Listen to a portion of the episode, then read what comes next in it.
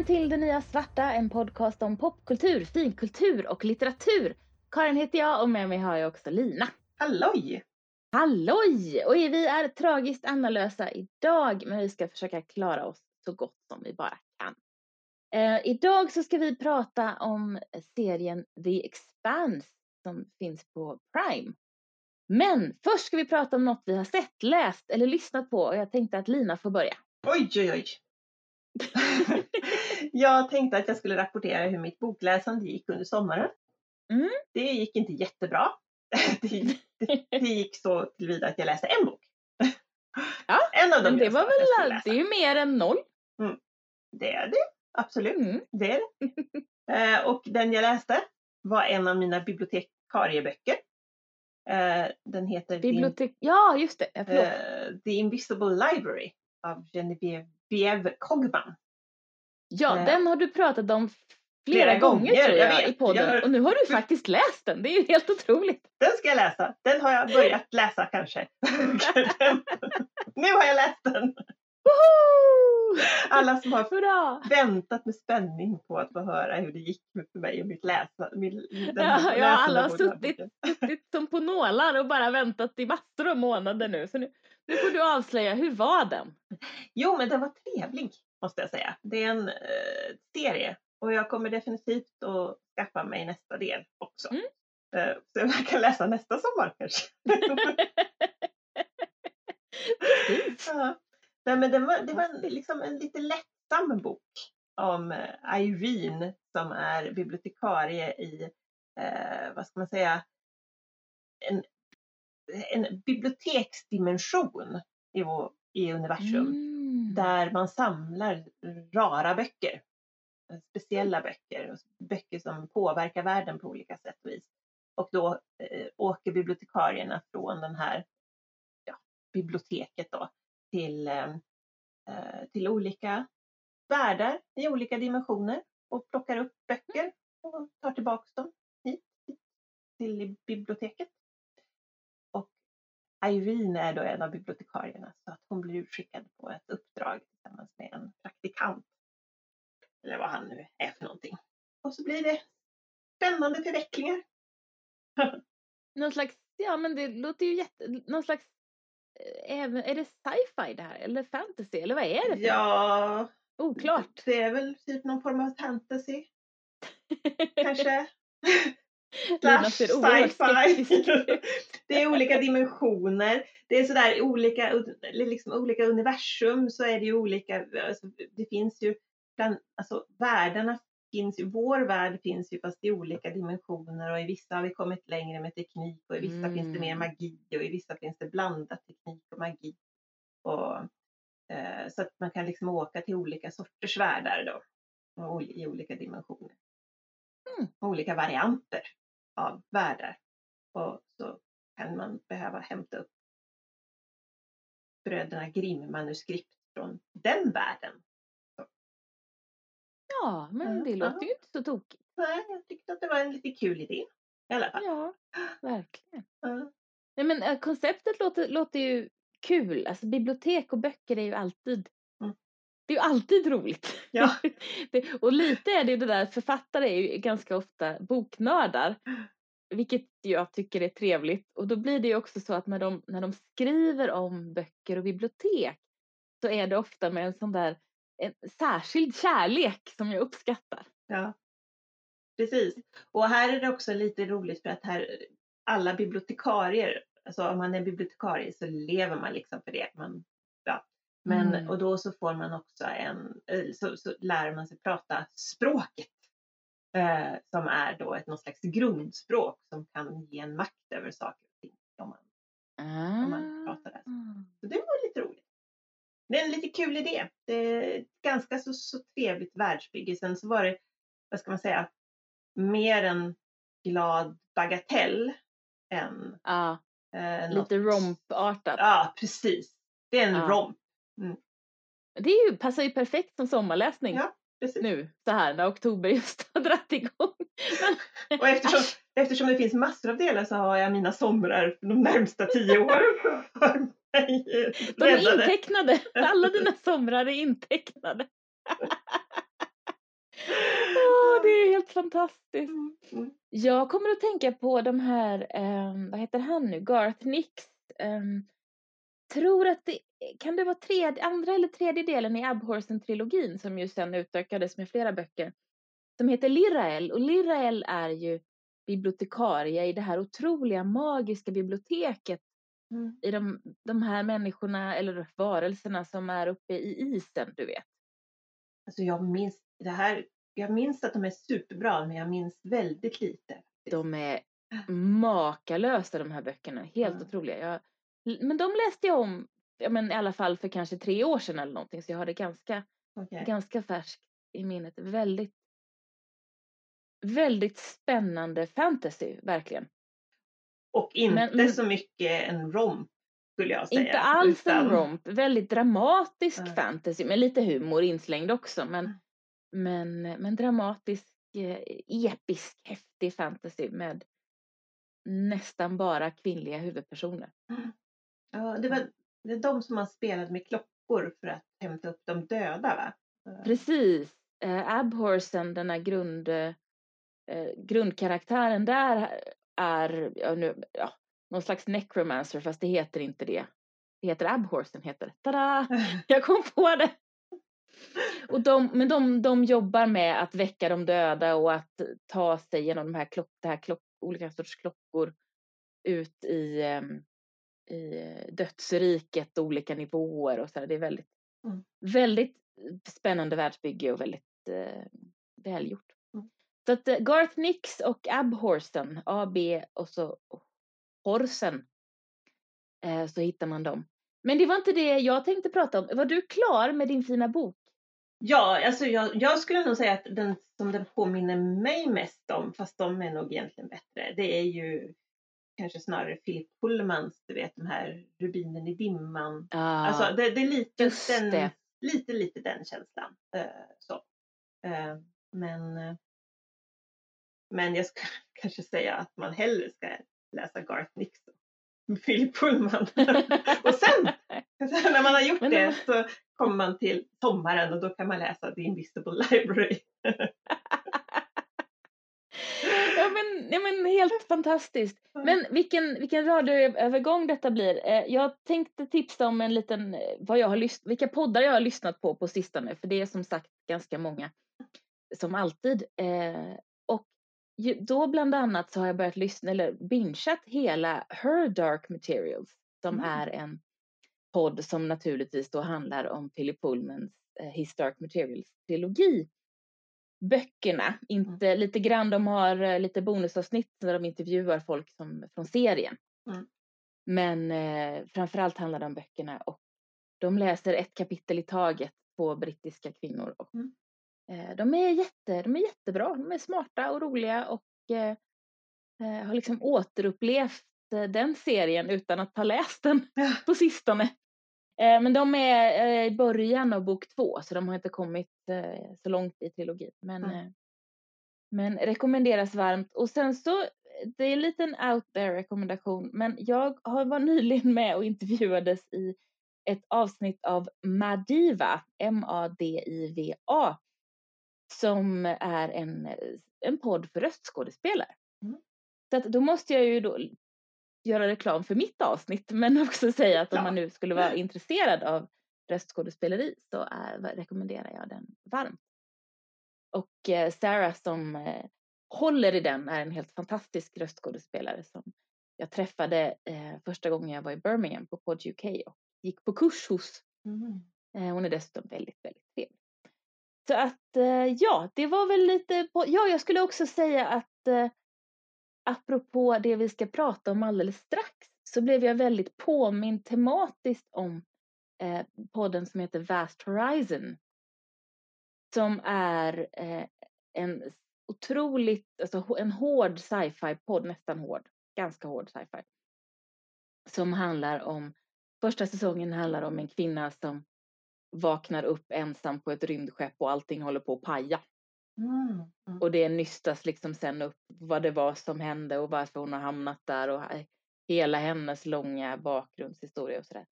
Men eh, säsong två har precis avslutat sista, släppt finalen av säsong två och det händer jättemycket spännande grejer. Så det kan jag också varmt rekommendera.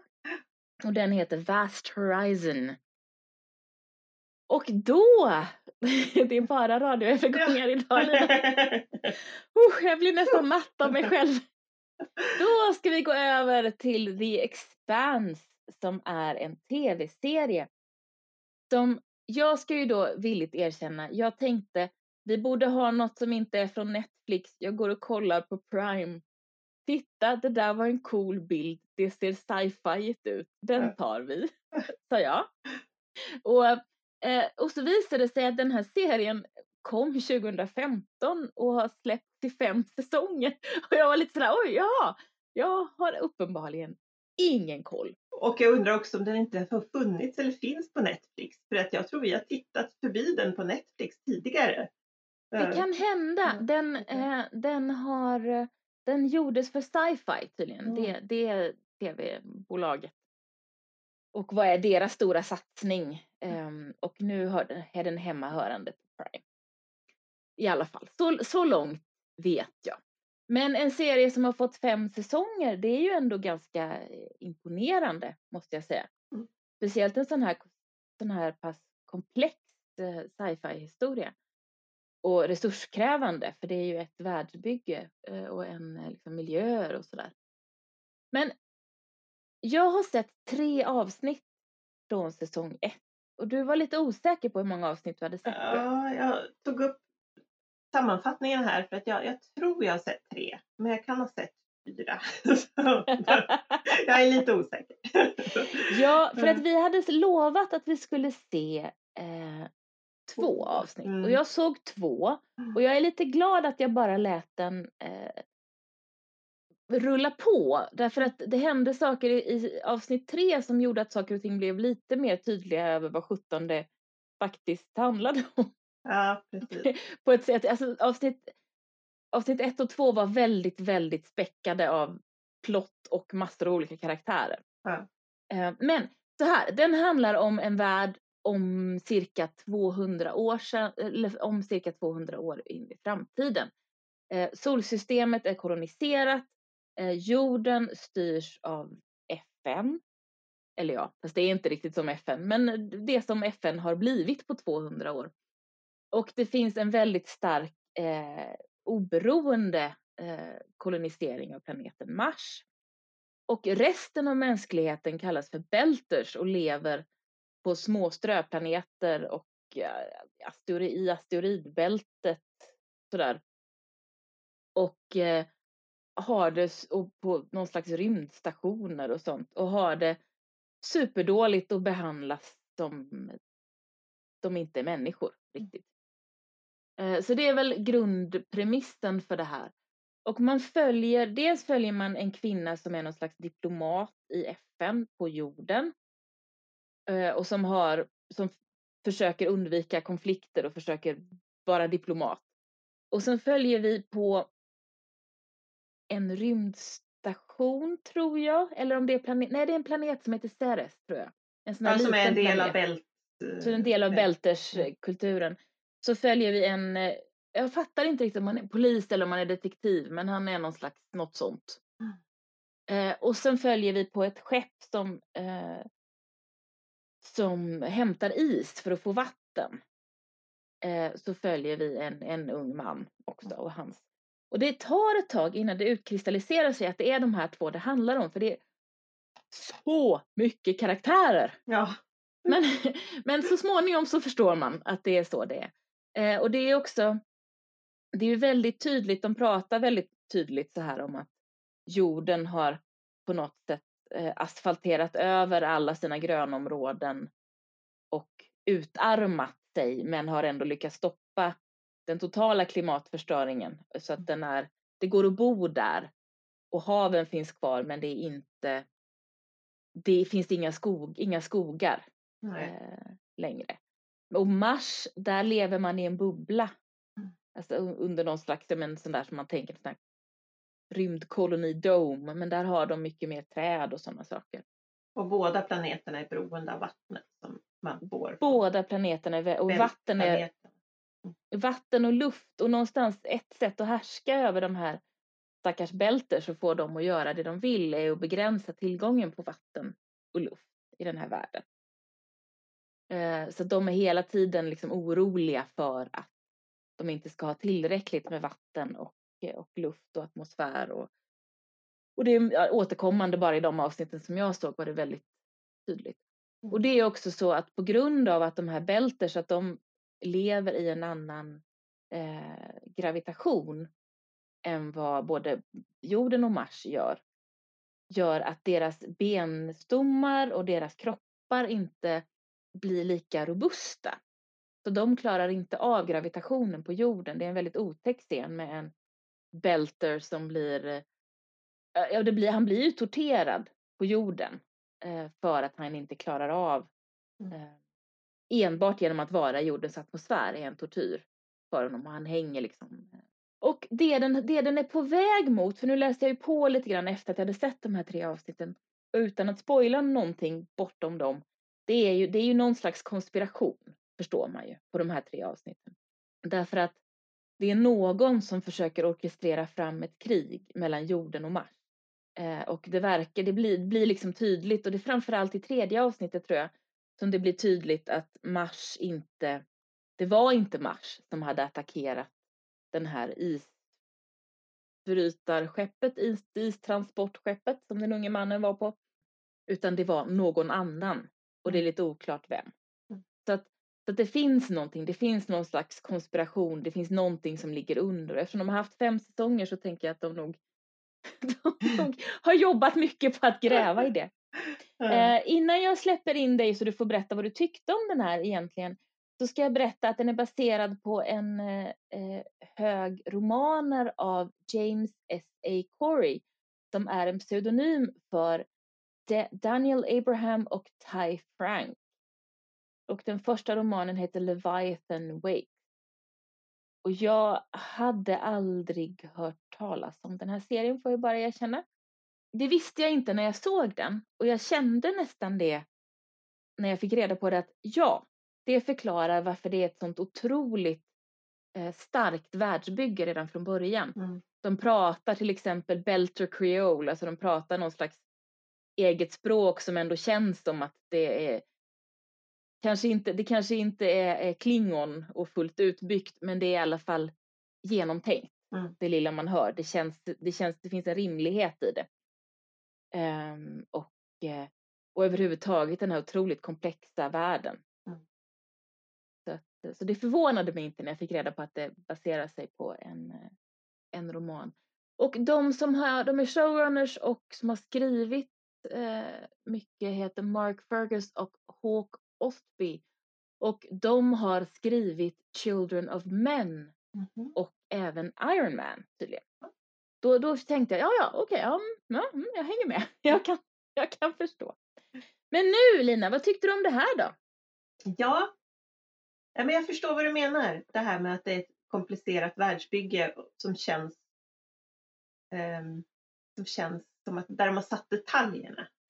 så, mm. På det sättet. Uh, för så känns det. Sen känns det också som um, det kan göra i vissa romaner, särskilt om man har ganska många böcker på sig, eh, mm. så är det lite trögstartat skulle jag säga. För att, väldigt trögstartat mm. tycker jag. De första för, två avsnitten är väldigt förvirrande. Ja, och jag var sådär, jag såg de två första avsnitten för någon, någon, ett, par veckor, någon, ett par veckor sedan kanske. Mm. Och sen skulle jag se, och sen så hade vi ingenting att titta på någon vecka senare och så sa jag att vi kanske ska se på ett avsnitt till av The Expanse. Mm.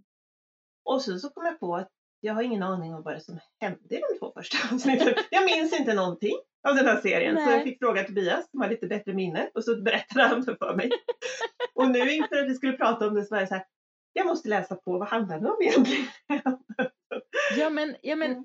exakt, jag håller med dig. Den är, och jag, eftersom den har fått hålla på så länge så gissar jag att det här mm. löser sig. Ja. Och att de får ordning på det. Men det är vansinniga mängder karaktärer man får möta i första avsnittet. Mm.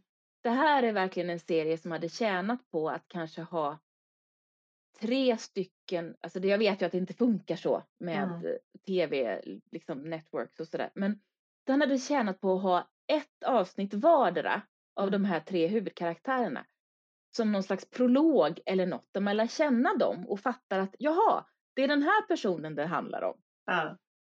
Eh, för att då hade man kanske förstått och, och dykt ner i bara deras värld och inte försöka dyka ner i tre olika världar samtidigt och dessutom massa liksom andra ströställen. För, det tog, för mig tog det till exempel, och det var säkert bara jag som inte var uppmärksam, men det tog ganska lång tid innan jag fattade att polisen och den unge mannen som är typ, ja men han är typ som number one i Star Trek, alltså Mm. han är någon slags sådär biträdande kapten eller något i den Mm. stilen. Ehm, att, att, att de inte var på samma ställe. Ja. Att de två inte var på samma ställe, nu ska jag kolla vad karaktärerna heter för det här går ju inte, jag kan ju inte kalla dem. En heter Eh, Holden va? polisen heter Joe och eh, den andra heter Jim, Jim Holden, jag tror han kallas för Holden. Eh, kvinnan heter Christian, Alltså hon som är diplomat. hon som är diplomat, ja precis. Så Så- det, ja, ja. Så att någonstans så, alltså det tog jättelång tid för mig innan jag fattade att de inte var på samma ställe. Och jag tänker att de kanske var på samma ställe där precis i början, fast att de åkte ut på sitt isbrytarskepp Mm. sen. Jag vet inte.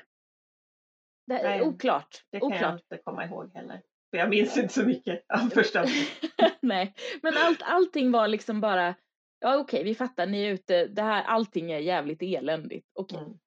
det tog egentligen fram till kanske slutet av avsnitt två någonstans där eh, för den här de Holden och hans fyra kompisar tror jag blir utskickade eh, i en liten jag kan ju inga ord för det här i en Mm. liten rymdraket. En liten rymdskyttel. Ja, precis. En liten rymdraket. Nej, men en liten, en liten jolle.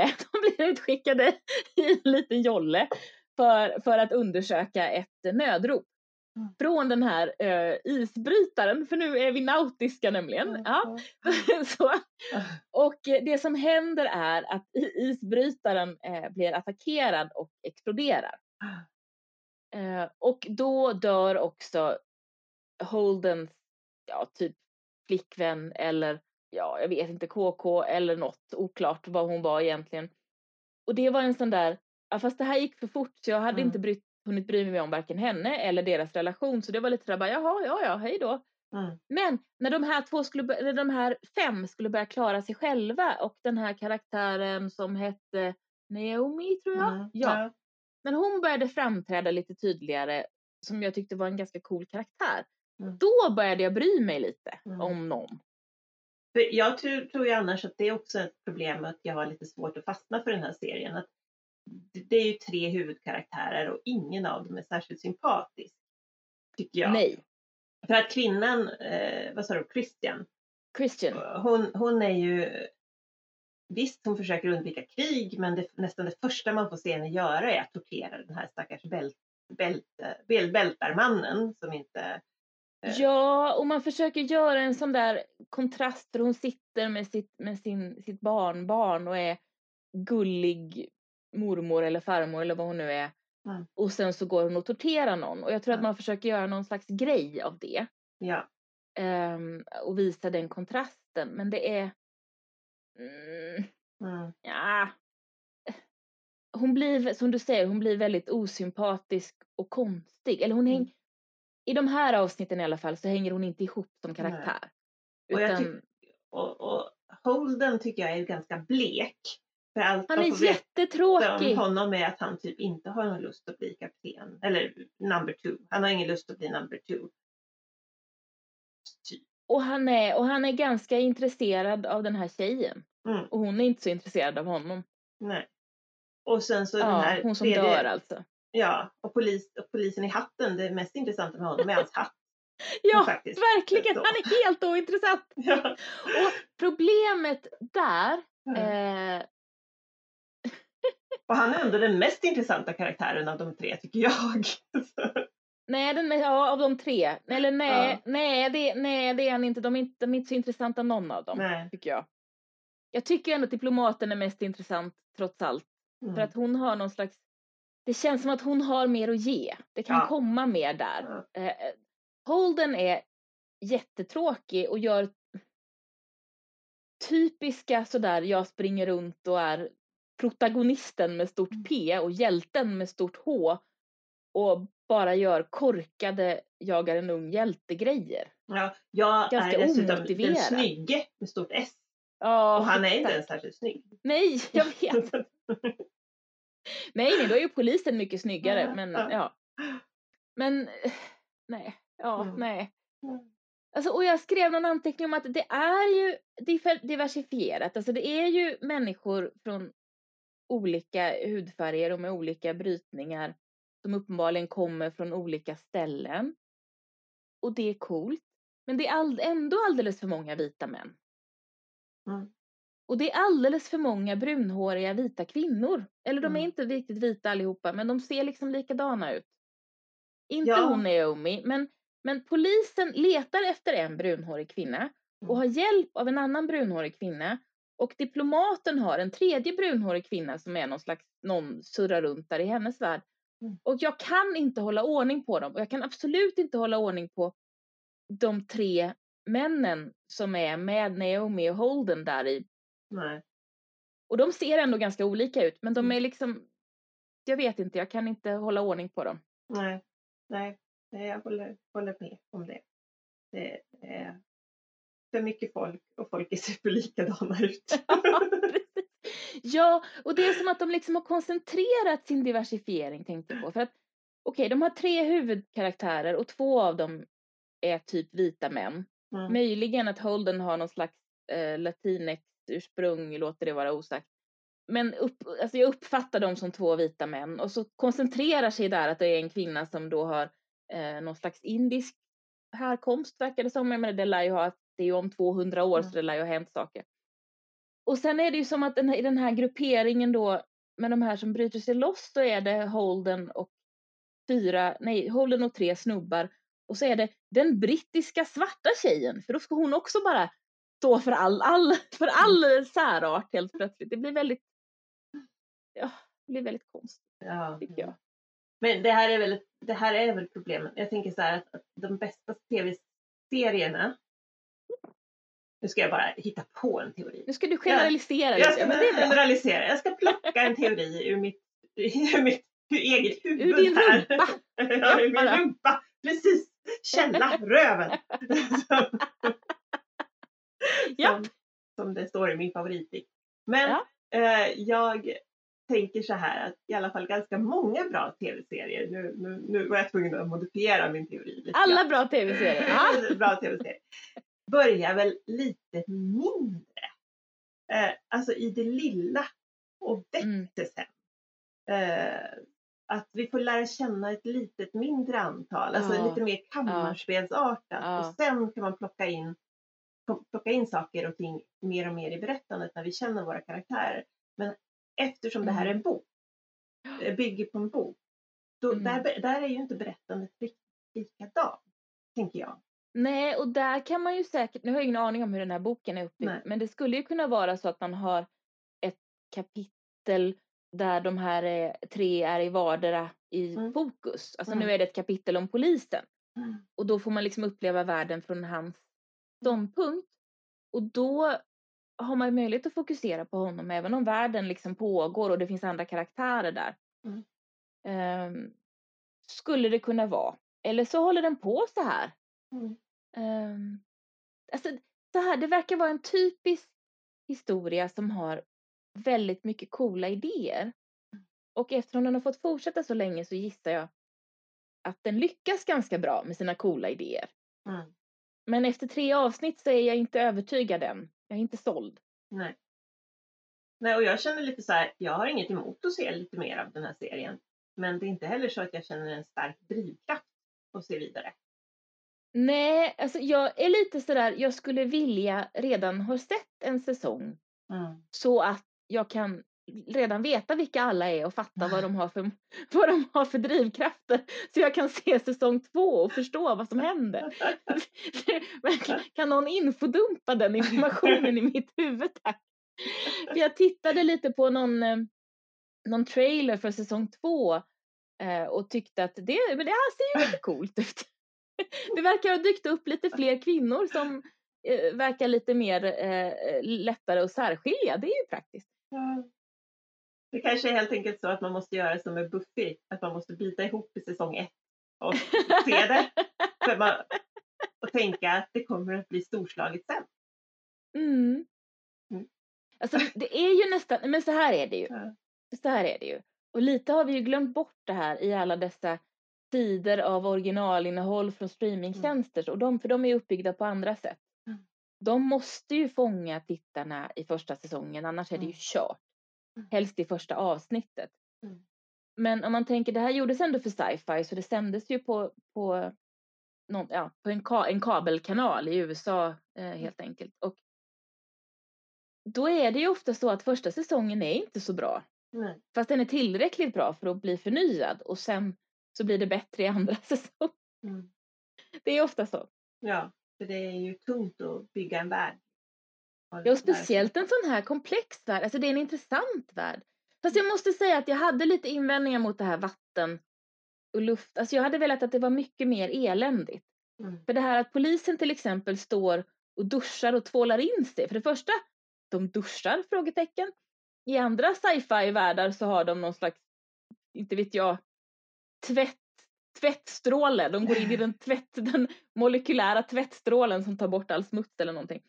Ja, nej men alltså de har hittat på andra varianter. Mm. Och för det andra är det ju då så att om man lever i en värld där vattnet är kraftigt ransonerat och det inte är något ovanligt, då står man ju inte glatt och tvålar in sig.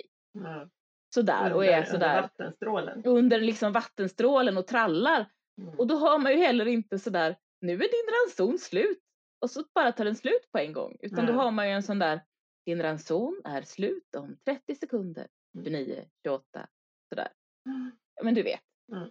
Eh, så att det var så dåligt, det var ju bara gjort för att man skulle ha den här scenen när han stod med massa schampo i håret. Mm. Och för att han då skulle, när han undersökte den här eh, Ja, lägenheten var det ju inte, men den här bodningen för den här kvinnan som han letar efter eh, skulle få stå och skölja av håret under hennes vattenkran i köket för att det var ju mm. så bra. Tralala. Nej men alltså det dumt det, om, om det verkligen är vattenbrist så, så gör man inte så. Då måste det vara superransonerat. Och man mm. har på 200 år hittat mycket, många fler, mycket bättre sätt eh, att ersätta vatten i allting utom dricksvatten. Mm. Tänker jag. Men, men sen så också tänker jag, och, och dessutom någonstans är det ju så att det kan ju inte vara vattenlev oändliga vattenleveranser. De måste ju ha byggt upp så att de återvinner vattnet. Alltså det, jag fattar inte systematiken där riktigt. Det är klart att man kan behöva ha viss påfyllning men det kan ju inte vara så att Nej. det bara ska levereras vatten. Alltså det är väldigt... Mm. Vad gör de med, alltså häller de ut ett avlopp i rymden? Eller jag, jag fattar liksom inte, det verkar jättekorkat alltihopa.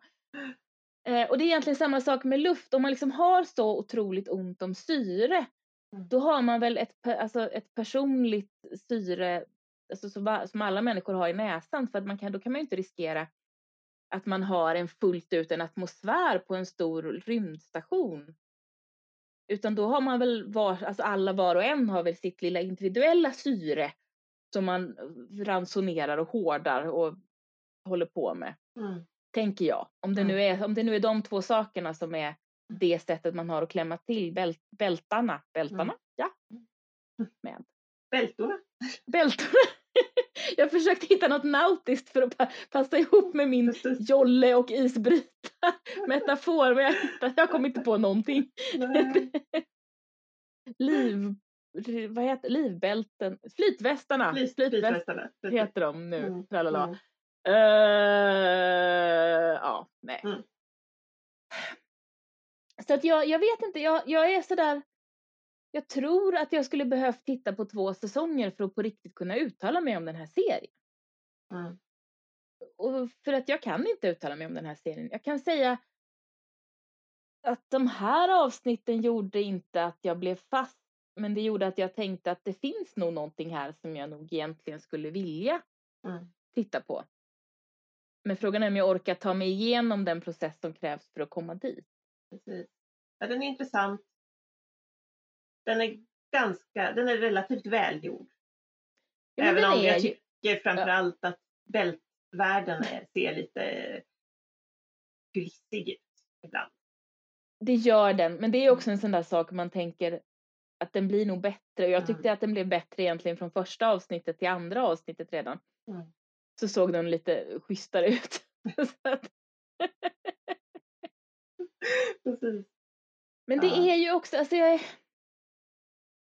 Så här, såna här världar har man ju sett ganska många, Mm. Mm. eller hur? Mm. Den här sortens liksom dystopiska framtidsvärldar där mänskligheten lever i små spillror på någon slags rymdstationer eh, eller på stora flytande, eller vad heter det? Ja. Mm. Eh, och det krävs mer än att folk är lite coola och, och lite arga för att jag ska bry mig. Mm. Och sen kanske jag börjar bry mig om det här om jag tittar på det, men jag vet inte riktigt. Ja, och sen så är det ju, alltså, det finns ju ingenting i, oh, det är en konflikt mellan jorden och Mars som får mig att bli sugen på att titta vidare. alltså det är ju det tråkigaste som finns. Liksom. Ja, det är lite, det är lite gjort, men å andra sidan, jag Mm. tänker Mars är ju den närmaste planeten som möjligen skulle kunna vara koloniserbar som vi vet nu, så det är inte så konstigt att all denna sci-fi handlar om Mars. Och jag, alltså, det är mer det här, åh, det är konflikt mellan två stormakter, bla bla bla. Mm. Alltså det är ju ganska tråkigt ändå. Eh, att man lite har flyttat, ja man, man, man har ju lite flyttat det kalla kriget ut i rymden Mm. bara. Mm. För att, för det har man inte, det hoppas jag att de någonstans utvidgar, åtminstone i romanerna, att vad fasingen hände på jorden som gjorde att jorden blev enad då? Mm. För att, alltså så. Mm. Hur lyckades eh, eh, FN ena jorden? Mm.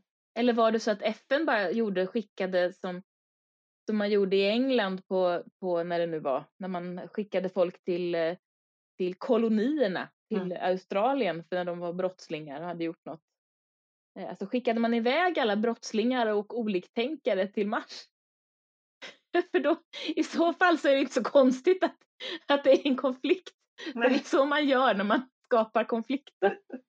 precis.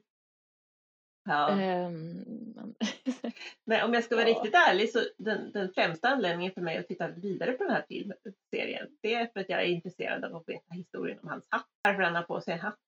Ja fast det sa han ju. Han sa ju att han, han har på sig en hatt. Han har jordkläder fast han inte är uppväxt på jorden. Eh, För att han vill vara lite speciell och han tycker att hans hatt är så cool. Han sa ju något sånt i någon, Ja. någon, någon Ja, då vända. behöver inte jag titta vidare. Men jag tror att enda anledningen till att han har den där hatten är för att man ska fatta att det är han. Ja. Vilket på Aj, aj, aj. ett sätt... Vi- fick du. Jag har så ont i min, i mina revben. Ja, förlåt. Men, men för att man ska fatta att det är han. För att det är ytterligare en vit man och då tror Mm. jag ändå att den, den skådespelaren är, tror jag, den enda lite blonda skådes, manliga vita Ja. skådespelaren. Så honom hade man nog haft ordning på i alla fall tror jag. Ja, det är synd att de har dolt hans blonda hår med en hatt. Ja, jag tror det, men jag, jag, ja. kan, jag kan ha fel också, jag vet Mm. inte riktigt. Men, Ja. men och sen är det är alldeles för mycket karaktärer.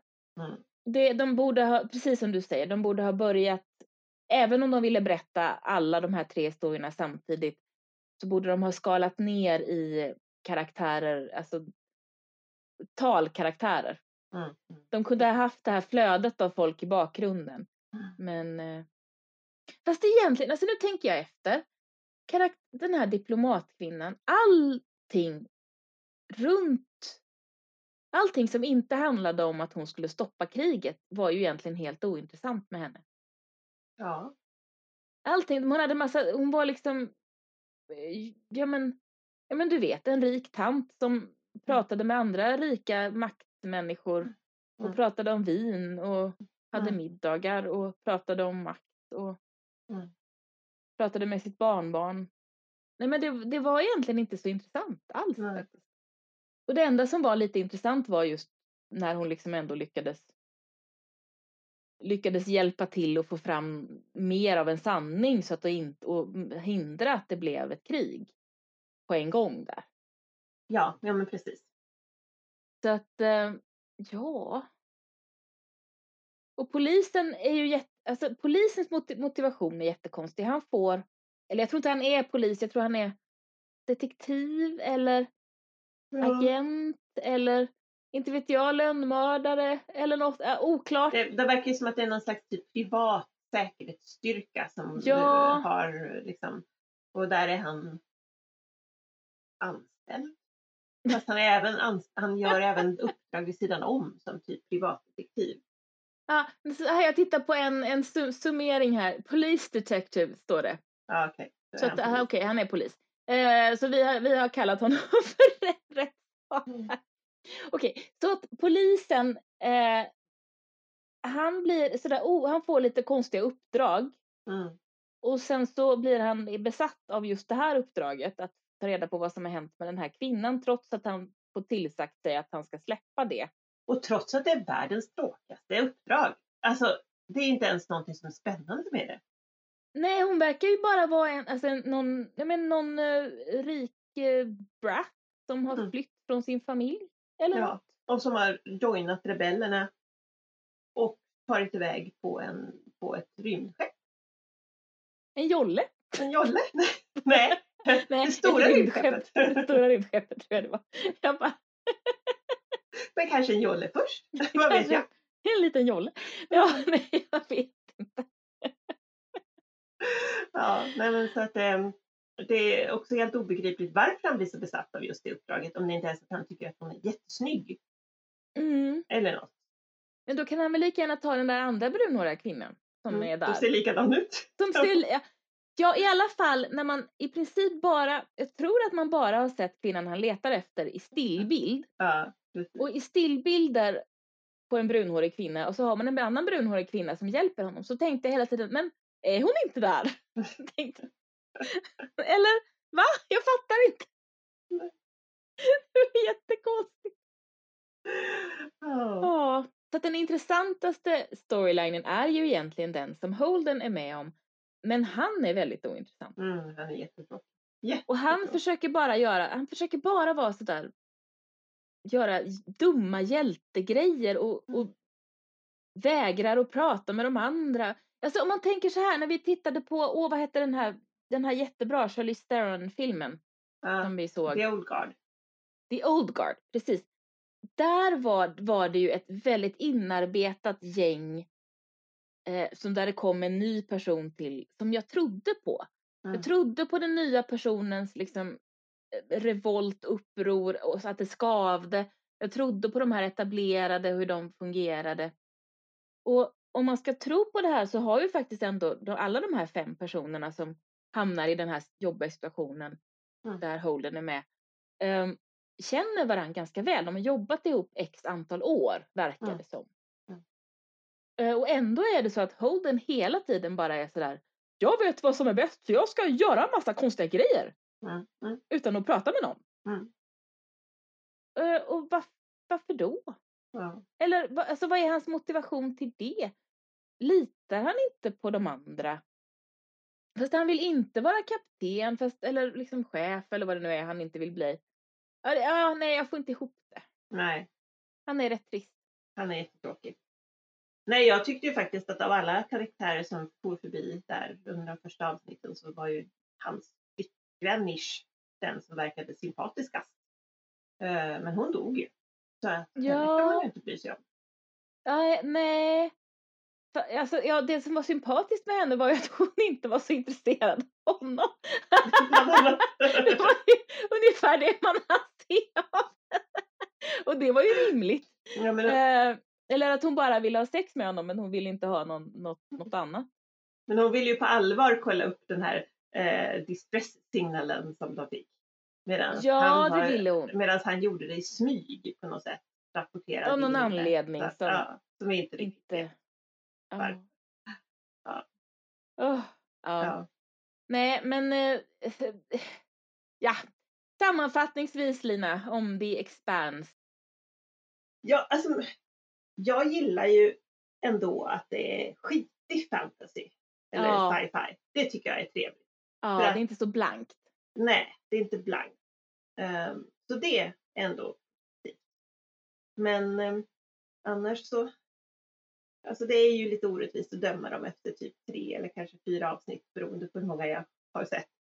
Eh, men, men det finns ju intressantare science fiction-serier ändå. Ja, kommer du på någon att tipsa om? Har Firefly till exempel. Ja, ja, Firefly är ju bra.